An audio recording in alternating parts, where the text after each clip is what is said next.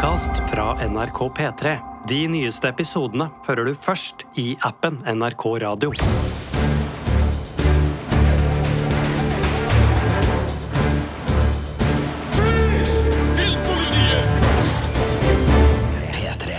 Velkommen til Filmpolitiet med Sigurd Vik, Birger Vestmo og Ingvild Dybfest Dahl.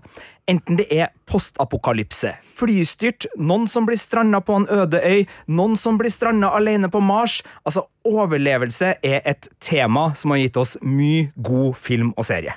Ja, storserien The Last of Us tok jo oss virkelig inn i kjernen av hvordan det er for mennesker å kjempe for å overleve i en postapokalyptisk verden der en sopp gjør mennesker til zombier. Og Temaet er faktisk aktuelt igjen nå, fordi Yellow Jackets sesong to kommer nå. Og Den handler altså om et fotballag som må klare seg i villmarken etter at flyet deres styrter. Ja, og det er jo et stort spenn i denne subsjangeren. Fra viruspandemier og dommedagspreppere via brutal kamp mot naturen til eksistensiell science fiction. Og Birger, hvis du tar oss med inn i det, hva er det som fenger oss sånn med filmer og serier som handler om overlevelse? Nei, For det første så er det jo veldig enkelt for oss i publikum å skjønne hva det er som står på spill i de her situasjonene. Det står jo om livet sjøl, og de fleste av oss har jo en viss forkjærlighet til vårt eget liv, og har et innebygd ønske om å fortsette det litt til. Sånn at eh, det blir umiddelbart eh, klart for oss eh, hva som er liksom endepunktet, sluttmålet, hva som er den ønskede utgangen av denne filmen eller den serien da, som har overlevelse som tematikk. Og for det andre så blir vi jo satt i en situasjon der vi blir nødt til å vurdere egne valg i en lignende situasjon. Sjøl om eh, for de fleste av oss så vil det jo aldri bli eh, en, en situasjon vi er nødt til å forholde oss til i det virkelige liv, da. men hva ville du ha gjort for å overleve? Hvor langt ville du ha vært villig til å gå? Ville du ha vært villig til å bryte med egen etikk og moral for å overleve? Kunne du ha skada andre mennesker i verste fall da, for å øke dine egne sjanser? Jeg husker jo jeg så en uh, film på 90-tallet som het Alive, om et flykrasj i Andesfjellene, der de overlevende tyr til mm, kannibalisme for å faktisk overleve oppi fjella til de eventuelt blir redda, og mm, jeg husker jo fra den gangen jeg tenkte ville jeg ha gått så langt til å spise en død persons rumpeballe for å faktisk overleve? Og så er det jo sånn da at eh, er man i en sånn situasjon, så blir man kanskje nødt til å faktisk gjøre sånt. Og det her er jo spørsmål som er så utrolig interessant å få stilt når man ser en film eller en serie. Eh, for det er da problemstillinger som du kanskje ikke har tenkt på forhånd, som du er nødt til å forholde deg til, og, og lure på om hva ville jeg ha gjort i samme situasjon, og det er vel en av grunnene til at uh, survival-filmen fremdeles lever så godt som den gjør. Det er selvfølgelig en privatsak hva du endte opp med å svare på det spørsmålet du, du stilte deg sjøl i, i, den situasjonen, så det skal vi ikke gå inn på. Men jeg er jo enig. altså Én ting er liksom eh, de filmene og seriene som, som, eh, som griper inn i den her hva ville jeg gjort på et individuelt nivå, men jeg syns jo også det er veldig spennende når uh, de store eksistensielle spørsmålene kommer. altså Hva ville man ha gjort for på en måte menneskeheten, eller på, i større, og, ofte i, i sci-fi eller sånn postapokalyptiske settinger, så er det jo det spørsmålet som kommer inn. altså å, å redde seg sjøl, eller å redde de man har nær, de man elsker, kontra muligheten for uh, å gjøre et offer for, for det, det, større gode. Altså Der ligger det jo så mye grublegod etisk tankegods, gjerne da spilt ut i uh, forhåpentligvis veldig lekre visuelle rammer, også, så det er jo mange godbiter der. Ja, men jeg tenker også, Nå er dere veldig høyt oppe og teoretisk, og jeg, tror, jeg, har, jeg, er helt enig med dere, faktisk. Men jeg tenker på da jeg var liten. Eh, jeg var vel det man kaller inne, et innebarn. Jeg likte ikke å være ute i skauen og oppi trærne. Men eh, jeg elska å se på filmer. Moren min oversatte filmer en stund, og da hadde jeg tilgang på Moviebox. Og hun sa jeg så alle filmer som het noe med Alene i villmarken. Så det var tydeligvis noe Og da er det noe som er ekstremt fjernt og eksotisk på et vis. Jeg ville jo ikke engang gå ut forbi blokka men jeg ville se disse eh, jentene og guttene klare seg gjerne med en hund, da, eller en katt eller en annen snedig dyr som følgesvenn eh, alene i villmarka. Det var liksom noe av det mest fascinerende jeg kunne se. Og da tror jeg det er dette eksotiske og dette at du kan drømme deg bort uten at du behøver å stå der i iskaldt vann, i iskaldt vær og faktisk må gjennom disse fysiske strabasene selv. For min del, da, som er oppvokst litt utpå landet, så har jo jeg vært veldig mye ute i skau og mark og åker og eng, og har alltid hatt et godt forhold til naturen. Inntil et visst punkt, da, for nå har jeg blitt innemenneske, tror jeg jeg kan si med sikkerhet. da. Men, men um, akkurat nærheten til naturen er det mange som ikke har, og nettopp derfor så tror jeg survival-filmer fra villmarka appellerer så godt, fordi det er allerede skummelt med naturen for um, ganske mange, da. Og kanskje er det noe som gjør opplevelsen av survival-filmen og serien enda sterkere. Jeg syns også det er veldig interessant akkurat i de settingene, uh, forskjellen på uh, Eller altså uh, filmer som klarer da å både fange opp de som velger det frivillig, f.eks. Into the Wild, som det var Sean Penn som hadde regi på den. Emil Hirsch i hovedrollen, som forteller historie om en ung mann som søker seg til villmarka for å liksom kjenne på, på, det livet og bort fra sivilisasjonen, kontra f.eks. Tom Hanks i den lange Fedex-reklamen Castaway, hvor det er ufrivillig møte med naturen, og hvordan du kan liksom klare å overleve i kamp mot elementene. Så, så, så det, det, fenger jo uavhengig av valget, og jeg skal også tilstå at jeg har nok sett en del av reality-serien til The Bear Grills, han heter han her, som ja. ofte kaster seg ut i villmarka for å vise hvordan man kan karre seg tilbake til sivilisasjonen, eh, da med å leve på, på alt man kan finne eh, der ute i de ulike ugjestmilde omgivelsene. Ja, Det er jo noe med å være en sånn menneskelig MacGyver, da. Men det er jo ikke MacGyver fordi du er eh, isolert. Så du må være det helt på egen hånd. Men noen av de her filmene og seriene gir jo oss gode tips da, til hvordan vi kan overleve ute i villmarka, fordi det er jo en oppfinnsomhet ute og går av en annen verden i noen av de her eh, filmene. Vi skal komme inn på litt av det etter hvert her nå. Eh, så for min del så mm, føler jeg at å se survival-film og serier kan være gode forberedelser hvis man skulle være så uheldig å komme i en lignende situasjon. Det er et veldig godt poeng, Birger. Og som du sier, vi skal komme oss til noen både serietips og filmtips innenfor uh, survival-kategorien her. Men, men Ingvild, aller først, altså, du har jo sett litt på det. Altså, hvordan er historien til denne uh, sjangeren, hvis man uh, skal skue litt tilbake? Du, jeg har vært innom den flotte ordboka, ikke ordboka, den flotte oppslagsverket Google. Men eh, dette starta i hvert fall en subsjanger av veldig mange av disse overlevelsesseriene og filmene er jo eh, inspirert av Robinson Crusoe, som Daniel Defoe skrev i 1719. Og etter det så oppstod en hel undersjanger som de kalte robinsonade. Og det gjelder altså generelt alle som, eh, som strander et eller annet sted, da, om det kan være øy, et isolert sted, og må overleve i villmarken og ved hjelp av liksom egne hender eller det du kan finne, klare å bygge seg en slags ny sivilisasjon der. Så det jo, favner jo egentlig veldig veldig mange av de overlevelses, eller det vi tenker på som overlevelsesfilmer i dag. Men jeg syns også det er fascinerende å tenke på at eh, da disse først kom, så sammenfalt det jo med at folk faktisk dreiv og utforska jordkloden fremdeles. Altså, Hun reiste jo til nye verden, dro til USA som ikke het USA, eh, seilte til Island. Det var noe reelt, liksom. Det var noe, en reell fare der. Og jeg tror disse fortellingene, da, som, som, vi vet jo ikke bare kom Robinson, etter det kom jo familien Robinson sånn rundt 100 år senere, og masse, masse underarter der. Så det er liksom noe med at hvis du kan gjennom en fortelling da, kan, kan lage en slags oppmuntrende renselse av frykt, men det jeg synes er interessant, er at i dag, sånn som Birger var inne på i stad, så er det jo ofte noe som er ekstremt fjernt fra våre liv. Altså det å være et eller annet sted uten telefon, uten radiodekning, du er helt isolert. Og så snur du også det koselige på hodet, for det er gjerne en hytte, en strand eller familieferie som går Du skal på noe koselig, og så går det helt til helvete. Eh, og det tror jeg også henger sammen med at vi lever også i en tid hvor mange går rundt og frykter rett og slett at verden skal gå under. Om det er en pandemi eller om det er klimaendringer, så er jo det noe vi vet at eh, mange unge og eh, voksne for den saks skyld, går rundt og frykter. Og da kan jo denne sjangeren her være en måte å liksom konfrontere og drive ut den frykten på, uten at du forhåpentligvis må gjennom akkurat det samme selv.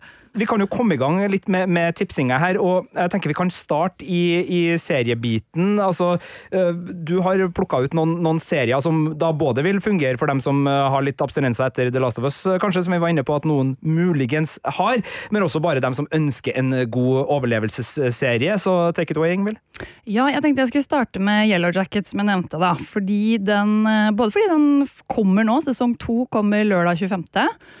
På stream Nei, unnskyld. Jo, det er på stream og Sky Showtime. Eh, og den første sesong ble altså nominert til sju Emmy-priser. Eh, så det kan jo være en grunn til at man i hvert fall skal sjekke det ut. Jeg vil jo også si det kan være en god grunn til å sjekke det ut, fordi den er skapt av narkosprodusentene og manusforfatterne Ashley Lyle og Bart Nickerson. Og det handler altså som nevnt om et eh, videregående fotballag, da, et jentelag, som skal De har kommet helt til de nasjonale konkurransene, og så skal de fly oppover mot Canada, tror jeg. Og så må de ta en ruteendring pga. en storm, og så er det et flykrasj så overlever jo en del av disse, da. Det er ikke en spoiler, fordi hele handlingen og hele drivet og spenningen der er jo i vekslingen eh, mellom nåtidfortellingen og fortellingen mellom hva som skjer i villmarken, der de som overlever må finne seg en eller annen måte å komme gjennom vinteren på. Mye god 90-talls uh, high school-estetikk i etableringa der, husker jeg. Smashing Pumpkins med låta Today, uh, blant ja. annet en, en, en, god 90-talls-vib. Ja, jeg vil si, også nå som jeg har sett deler av sesong to, så vil jeg si alle som liker hits fra 90- og 00-tallet, da er det bare å se på Yellow Jackets også av den grunn. Eh, men det er, jeg elsker jo den her eh, med at vi ikke vet helt hva som skjer. Vi får vite bare sånn litt og litt. sånn at jeg sitter jo fremdeles er megasugen på å vite hva som egentlig skjedde, selv om jeg nå er fire episoder inn i sesong to. Det er mørkt, det er makabert, det er noe okkult der. Vi vet ikke i hvilken grad det har fulgt de videre i voksenlivet. Uh, og så skal det også sies at de har med skuespillere som Christina Ricci, Melanie Linsky og Juliette Lewis. Det er de som er blant noen av de voksne skuespillerne, da. men her må vi huske at vi har dobbelt lag, fordi det selvfølgelig også er noen som spiller disse i tenåringsutgaver. Men eh, denne psykologiske thrilleren her, den eh, gir meg assosiasjoner til sånn Fluenes herre, Lost og Alive, bare med tenåringsjenter. Så hvis du føler du er i det landskapet der, så vil jeg anbefale Yellow Jackets, eh, både sesong én og begynnelsen på sesong to, som nå kommer på Sky Showtime. Ja, Det, det er jo i, i klassisk flykrasj-territorium, det her, men, men, en serie som er så mye mer enn en veldig god start. Eh, jeg vil ha et par serietips til, så her er det bare å keep them coming. Ja, eh, Siden jeg nå har nevnt både Yellow Jackets og Alive, så tenkte jeg skulle fortsette med flykrasj. da, Det er tydeligvis blitt min uh, greie. Men det er en serie som heter The Wilds, som kom i 2020, som går på Prime Video. Eh, og den følger også en gruppe unge jenter. De er på vei til en slags leir, og ender opp på en øde øy de òg, etter en flystyrt. Eh, så det høres litt ut som Lost. Ja, det, må være litt slitsomt. Altså, hvis du skal pitche en sånn her type serie, og du, liksom, du, du starter med den samme setningen som da alle har hørt 100 ganger før. Det er, det er en gjeng ungdommer og så er det en flystyrt, og så havner de i et fjell eller et øde øy, og så sånn Ja Så du, du, må liksom være tidlig inn med, med, med innsalget her, men nå Det var en digresjon. Uh, fortsett med The Wilds. Men det blir jo som enhver franchise, da. Sånn derre Å, skal vi ha enda en til Askepott-film? Ja, det skal vi, for de tre første gikk kjempebra. Selvfølgelig skal vi ha fem serier til om flykrasj. De går ja. kjempebra. Folk vel, elsker å se på det. Det har vært et par superheltfilmer der ute òg, når du sier det. Men ja, altså dette er altså tilsynelatende en gruppe tilfeldig sammensatte ungdommer som må lære seg å samarbeide for å overleve, og de har jo det vi kan regne med, en pakke av eh, personligheter som ikke alltid kommer overens. og Kanskje er det noe romantikk til og med, og litt strabaser. Og så skal jeg jo røpe at også her, det var derfor jeg nevnte Lost også, og for så vidt også Yellow Jacket, så er det en slags parallell virkelighet som vi aner og dukker opp i sesong én. Så det er veldig mye mer her enn det som det ser ut som det er på overflaten. Eh, så hvis du liker litt sånn eh, veldig mystiske ting, og også se hvordan folk klarer seg etter eh, flykrasj, om det er sminkebagen eller varme klær de går for først, så kan jeg også anbefale The Wilds. Der ligger allerede en sesong én ute, men sesong to kommer 6. mai, så det er ikke så lenge til hvis du skulle bli hekta. Og det her var på Prime Video? Det var Prime Video. Veldig bra. Hva er det tredje og, og siste serietipset ute når det gjelder overlevelse som tema? Da har jeg valgt meg en som minner litt mer om The Last of Us, som heter Station Eleven, som ligger på HBO Max. Den kom i 2021, så midt i pandemien. Og det som er litt sånn ekkelt med det, er at den eh, verdensomveltende krisen da, som utløser Utlyser? Utløser? utløser selve selve handlinga i Station Eleven, det er altså en influensa som eh, tar livet av store deler av befolkninga. Ja, det, det, jeg merker at bare øh, Jeg, jeg starta jo på denne serien og, og, kjente at den lå veldig nært øh, en opplevd virkelighet da den kom i, i 2021, tror jeg det var. Ja. noe sånt. Så ja, men, men ja, så jeg, jeg, jeg ramla litt av av det, husker jeg. Ja, eh, det er faktisk ganske ekkelt, men de gjør det veldig sånn kjapt i sesong én. Eh, selve utbruddet er liksom ikke hovedvekten, egentlig. Det er mer, og det er derfor jeg nevner The Last of Us, fordi at vi følger en eh, mann. Uh, Jivan, spilt av Himesh Patel, som er på et teater da liksom en skuespiller faller sammen, og på et eller annet tilfeldig vis uh, ender opp med å følge en liten jente da, som plutselig er alene uten noen til å følge henne hjem. Så det er, blir hans jobb. Og så skjønner han på veien at shit, det er et utbrudd på gang, vi må bare komme oss i sikkerhet. Så de to, ei en lita jente, Kirsten og, og Jivan, sett, blir liksom et slags radarpar da, som skal orientere seg i denne verden. Så derfor så tenker jeg at eh, Men, men det skal også sies, den her det er ikke en rett fram det er ikke en rett fram-handling her. Det er jo elementer som en omreisende teatergruppe, en tegneserie om verdensrommet og en angivelig profet. Spiller bare Shakespeare, den teatertroppen? Ja, det er hovedregelen. De spiller bare Shakespeare. Så det er veldig mye Hamlet-referanser og diverse for dem som skulle synes det er spennende å tygge på. Den er basert av en bok av Emily St. John Mandel, eh, hvis noen kjenner til den boka. Og så vil jeg jo si at akkurat Station Eleven passer best for de som foretrekker menneskelig drama framfor action, for her er det ikke så mye sånn Det er litt, eh, det litt knivaction jeg tenker meg om, og litt eksplosjoner, men eh, hovedsakelig menneskelig drama. Så da vet du hva du kan få, og den ligger på HBO Max. Det er veldig bra, og jeg er glad du tok med den, fordi det er en serie som jeg vet veldig mange liker veldig godt, og som jeg har fått veldig mange eh, beskjeder om å se, som jeg ramla av, tror jeg, etter da fire episoder, da den starta. Ikke fordi jeg ville slutte å se den, men jeg bare husker at den, den bare falt bort, sånn som av og til serier gjør. Men nå eh, en god anledning til å, å, plukke den opp igjen. og det gjør jo ikke noe skade, det du sier om at den, den har jo de The Last of Us-elementene eh, som kanskje gjør at den passer litt ekstra godt nå når man føler et savn etter den. Og jeg beklager hvis jeg enten kommer til å si, eller allerede har sagt The Mandalorian i stedet for The Last of Us. Fordi jeg merker at med disse eh, Pedro Pascal-seriene som driver og går parallelt, så, så jeg vet i hvert fall uh, ute i, i, det fri så har jeg forveksla de nå uh, uintensjonelt uh, ganske mange ganger, men det er altså The Last of Us som er pandemiserien. Ja, Hvis du sa det, så plukka ikke jeg det opp, og da gjorde sikkert ingen, ingen andre det heller. Nei, og, og, pandemiserie var det vel heller ikke, det var soppserie, som du så fint sa. Det var, det var det det var. Men det kommer ei, ei liste på Filmpolitiet med ti serietips eh, til eh, dem som vil se gode overlevelsesserier. Så uh, hvis du syns at tre var litt for lite på seriefronten, så er det bare å gå inn på p3.no filmpolitiet fra og med fredag 24. mars, som da er datoen den listesaken kommer ut på våre nettsider. Vi heter jo Filmpolitiet. Vi må ha film. Birger Vestmo, hjelp oss. Ja. Gode overlevelsesfilmer. Jeg har tre eksempler på det. To er basert på virkelige hendelser.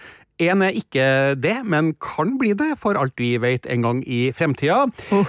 Den første er 127 timer, regissert av Danny Boyle. Og her må jeg komme med en spoileradvarsel, fordi vi er nødt til å snakke om det som skjer i løpet av filmen for å kunne diskutere eh, hvorfor den har så sterk slagkraft. Men den er altså da basert på en sann historie om eh, Aaron Rolston, en skikkelig villbass som er ute og farter i naturen og klatrer og hopper og spring, og han spilles her av James Franco, som er helt genial i det øyeblikket Aaron eh, klatrer gjennom ei kløft en svær stein raser ned, og han sitter plutselig bom fast, fordi denne steinen ramler da oppå hans eh, høyre arm. Og der står han, helt, helt fast, veldig langt fra folk, uten noen muligheter til å komme i kontakt med medmennesker på noe som helst vis. Han har ingen utsikter til å bli redda. Hva skal han gjøre? Og det her høres jo ut som en veldig kort film, men eh, filmen er faktisk da fullstappa av interessante bilder og sekvenser der Danny Boyle greier å formidle den her ensomheten som Aaron føler langt ute i ødemarka. Eh, og ettersom han blir svakere og svakere nedi kløfta, så begynner han å drømme og hallusinere, og eh, vi får eh, sekvenser som kanskje forteller noe om hans liv fram til det punktet. Vi møter mennesker som betyr noe for han, og som gjør at han kanskje på et eller annet tidspunkt blir motivert til å gjøre noe med sin situasjon. Og hva kan han gjøre da for å komme seg løs? og de fleste kan kanskje tenke seg til hva det er han må gjøre. Og eh, der er du i et what if-scenario av en annen verden, altså. Ville du ha kutta av deg arma di med en sløv lommekniv eh, mm. hvis det var det eneste muligheten for å komme seg unna det her i livet? Eh, og det er jo det Aaron gjør. Eh, det, det var spoiler-alerten. Og det er en av de ekleste, mest grusomme scenene jeg noensinne har sett på film. Ikke nødvendigvis for at det er så mye gørr og guffe og blod her, men det er fordi at du, du føler på kroppen hvor jævlig det er i den situasjonen og i det øyeblikket.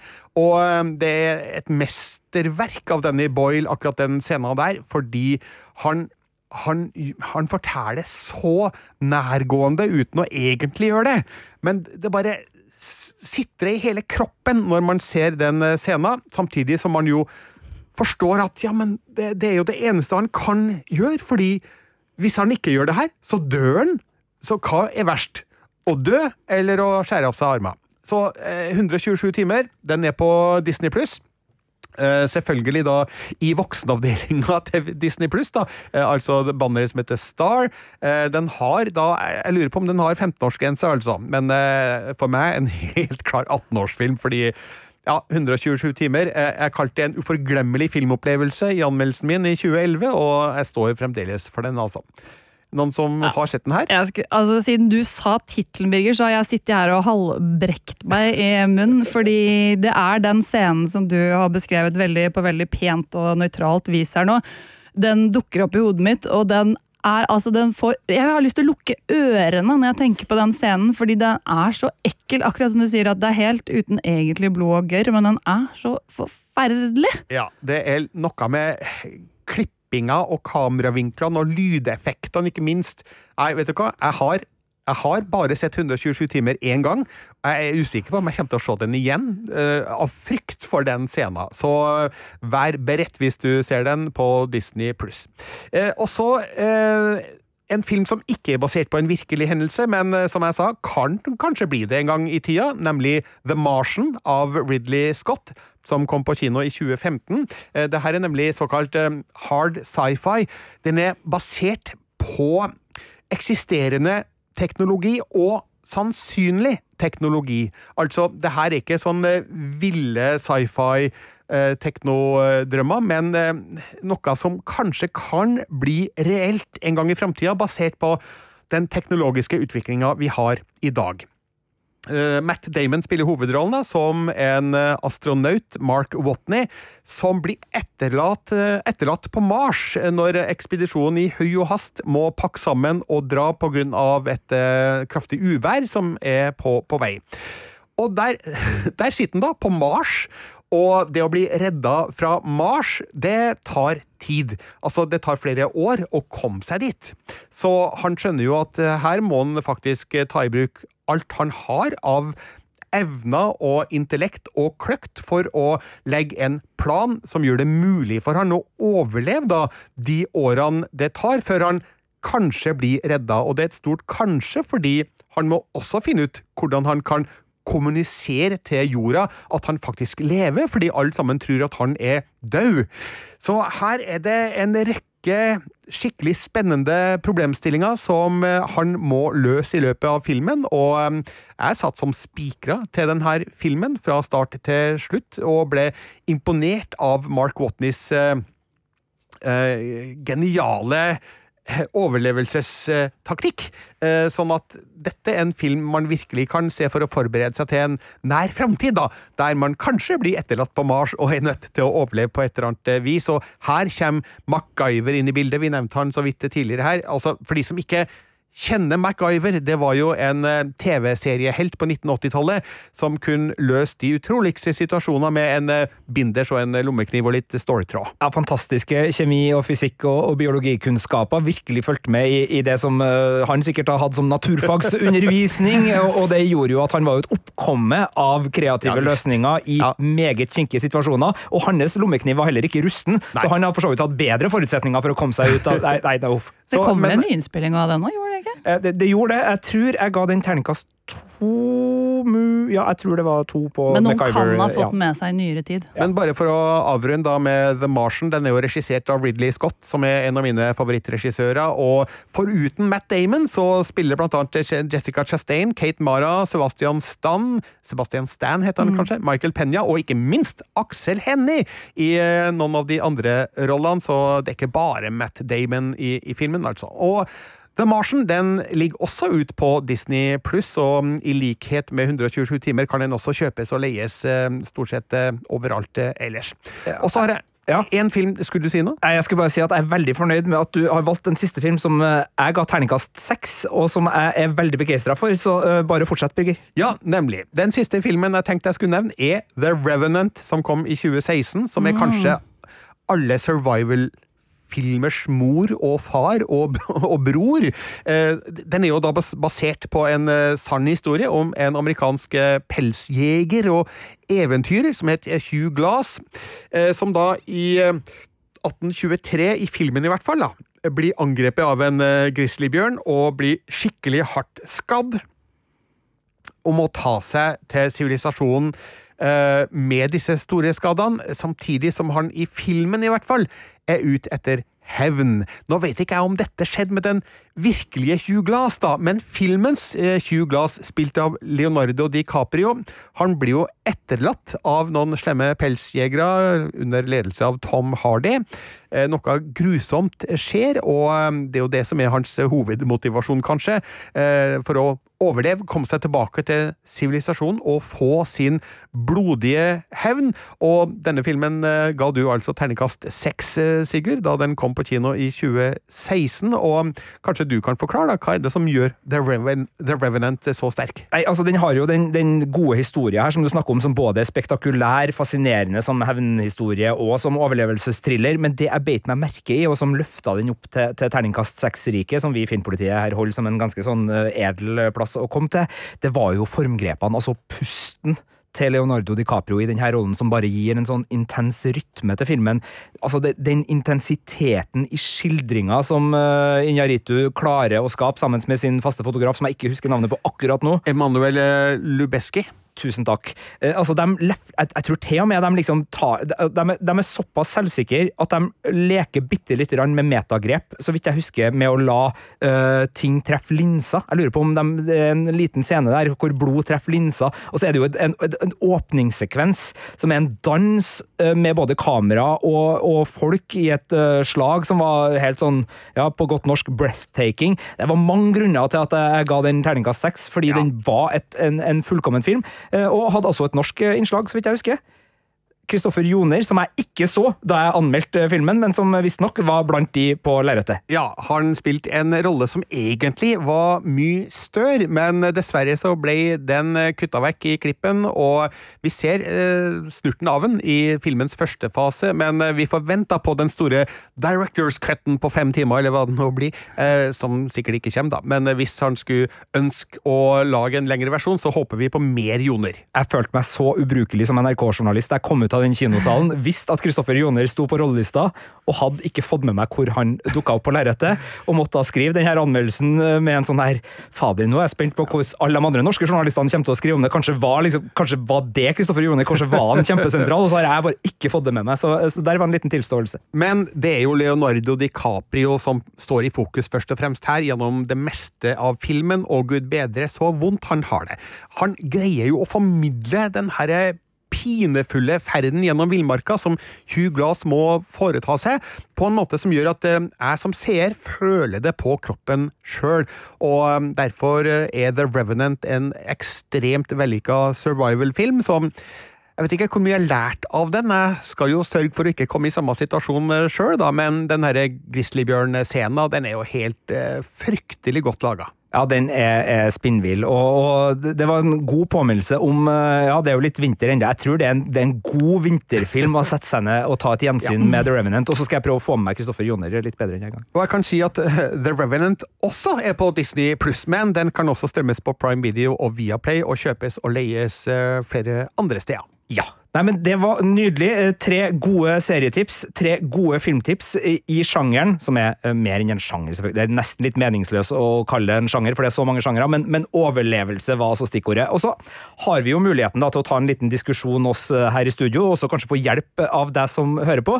Vi har en avstemning i appen NRK Radio som du kan gå inn og delta på, for vi lurer jo på, og jeg lurer på, Hvilket overlevelsesscenario hadde vi klart oss best i? Og Da tenker jeg at vi kan få fire sånn grovskissa alternativ her. Mm. Eh, vi kan eh, kjøre på med ny planet. Eh, og da er det jo lov å, tenke The Martian uh, der, uh, altså verdensrommet.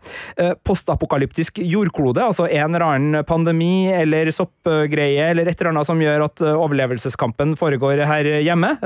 Doomsday prepping er selvfølgelig en, en, fornuftig aktivitet i forkant her, hvis man har vært der. Øde øy, vi har nevnt Castaway, vi har nevnt Robinson Crusoe. altså Den er selvfølgelig tricky, spørs jo også på øystørrelsen selvfølgelig her, men vi, vi holder på overskrift. Øde øy. Og så må vi jo ha med Flykrasj, som da har vist seg å være en, en gjennomgangsmelodi. da både fra, fra, Det var Flykrasj i Alive også, den filmen du nevnte tidligere. på ja, ja, et helt fantastisk eh, flykrasj. Altså fantastisk som i grusomt. Uh, utrolig uh, troverdig, eh, så vidt jeg husker, da, tilbake i 1993, da jeg så Alive på kino. Ja, og Lost eh, og Castaway, som er da Øde øy-scenario, har jo selvfølgelig også flykrasj i seg, så, så flykrasj på land er vel det vi, vi går for her, da, presiser det. Eh, det var fire alternativ. Birger, du kan få start. Altså, hvor ser du for deg at du hadde klart deg best? Nei, Jeg ser på den øde øya, for det, det, det står ikke spesifisert hvordan man kom seg dit. Så om det var en veldig farlig situasjon i forkant, eller om det kanskje var litt mer uskyldige begivenheter som gjorde at jeg havna der. Uh, jeg tror kanskje at uh, den er mest trolig at jeg greier meg bra på, fordi jeg må jo tro at hvis jeg havner på den øde øya, så er det noen som vet at jeg var i området, og kanskje leite etter meg der. Ja, Du er jo også landbruker, så, så det å få liksom sanker fra naturen, det, det, er kanskje en styrke? Ja, å kalle meg landbruker tror jeg kanskje er litt ja, overdrevent, men Du nevnte Stjørdal her. Jeg, jeg, jeg, eier åker som uh, har vært bortleid, uh, ja. Det er godt. En på, på øde øy der. Ingvild, hvor ser du for deg at det kommer til å gå best? Nei, nå ble jeg veldig uoriginal, men jeg også, når jeg så på de alternativene, tenkte øde øy. Mest fordi jeg tenkte at da kan du ha det varmt og godt. Eh, mens du, du Så det er sydhavsøy? Ja, ja, er du gæren? Jeg tenker ikke på en liten øy utenfor Norge, nei. nei jeg nei. tenker på, ja, Det må være sydligere strøk. Eh, og jeg skal gjerne helst ikke regnsesong, så jeg vet ikke hvor i verden det skal være. Men, men eh, ja, en liten Robinson-deltakelse, kanskje. Det er det eh, du ønsker, ja. Og da skulle jeg tatt med meg en ja. sånn eh, Personlig gjenstand? Ja, min personlige gjenstand har jeg tenkt veldig mye på. Og det husker jeg ikke navnet på. Hva heter de i Sveits? Lommekniv, sånn, men det er jo et annet ord for sånn veldig fancy. Ja, uansett. Dere skjønner hva jeg mener. Sveitsiske du, du, tenker på? Jeg mener den typen som har ekstremt mange gadgets. Altså den har både saks og kniv og flint og alt mulig, sånn at du kan eh, både sage, klippe, lage, få ild, alt mulig. Det, så det må jeg bare passe på å ha med ja, meg til enhver tid, faktisk. Swiss Army Knife. Ja. Det, er, det, var et annet ord jeg tenkte på, men samme det. Ja, ja, nei, det er helt greit. Og, og, og to på Ødøy, da, da, tar jeg en litt annet vri og, og tenker at hvis jeg er litt heldig jeg har ikke noe lyst til å oppleve flykrasjet, selvfølgelig har jeg ikke det, men, men altså sånn det er jo en del ting om bord i et fly, så jeg ser for meg liksom det å gå gjennom uh, Hvis jeg er den eneste overlevende, å gå gjennom all bagasjen, minibarene uh, altså det, det, det, er litt Jeg trenger ikke å liksom ut og fiske for å få meg mat den første dagen, noe som jeg tror er veldig vanskelig med bare mine hender å stå ute i fjæra der, og, og, jeg så jo Tom Hanks slet jo mye med det der. Så jeg, jeg tror nok kanskje liksom sånn Det å, å, klare å finne ting i et flyvrak, hvis jeg er litt heldig med det, sånn at det kanskje går an å bygge en gapahuk ut av noe der, det er en del kofferter Det blir litt spennende å gå gjennom sånn, har jo flere vist oss at det det er jo mye sånn Det er mye som kan være i bagasjen på et fly. Det er også mye som kan være helt forferdelig. Jeg håper ikke det er Snakes on the Plane-flyet jeg er om bord. Det ønsker jeg jo heller ikke uansett. Men, men ja, jeg, jeg tror uh, sånn For meg som, som, som er såpass dårlig i, på en øde øy, hvis det ikke liksom er uh, en allerede eksisterende matlager der, som jeg har sett i Pirates of the Caribbean-filmene at det av og til er. Men, men, men, da tror jeg nok jeg trenger det som allerede er på flyet, for å klare meg, i hvert fall i den første tida til jeg får liksom opplært de, de ferdighetene jeg trenger da, for mm. å klare meg der. Så to på øde øy, én på flykrasj. Kom og bli med oss og, og stem. Det er fire alternativ i appen NRK Radio. Det var det vi hadde om eh, overlevelsesserier og filmer for denne podkasten. Du kan lese annet listesaken om gode serier eh, med overlevelse som tema, og alle anmeldelsene våre på p3.no. Og så kan du selvfølgelig hver søndag høre oss på radio på P3 mellom klokka 12 og 15. Tusen takk for oss. En marsdag i år kjører flere politibiler langs en smal, slapsete grusvei i Vestre Värmland i Sverige. De stopper foran et enkelt rødmalt hus med hvite karmer. Der tar de seg inn og går gjennom rom for rom. Til slutt finner de det de har leita etter. I en fryseboks ligger en død norsk kvinne. Hvem er denne kvinnen, og hvorfor endte hun opp inni en eh, fryser midt inne i skogene i Värmland? Hør alt fra Oppdatert kun i appen NRK Radio.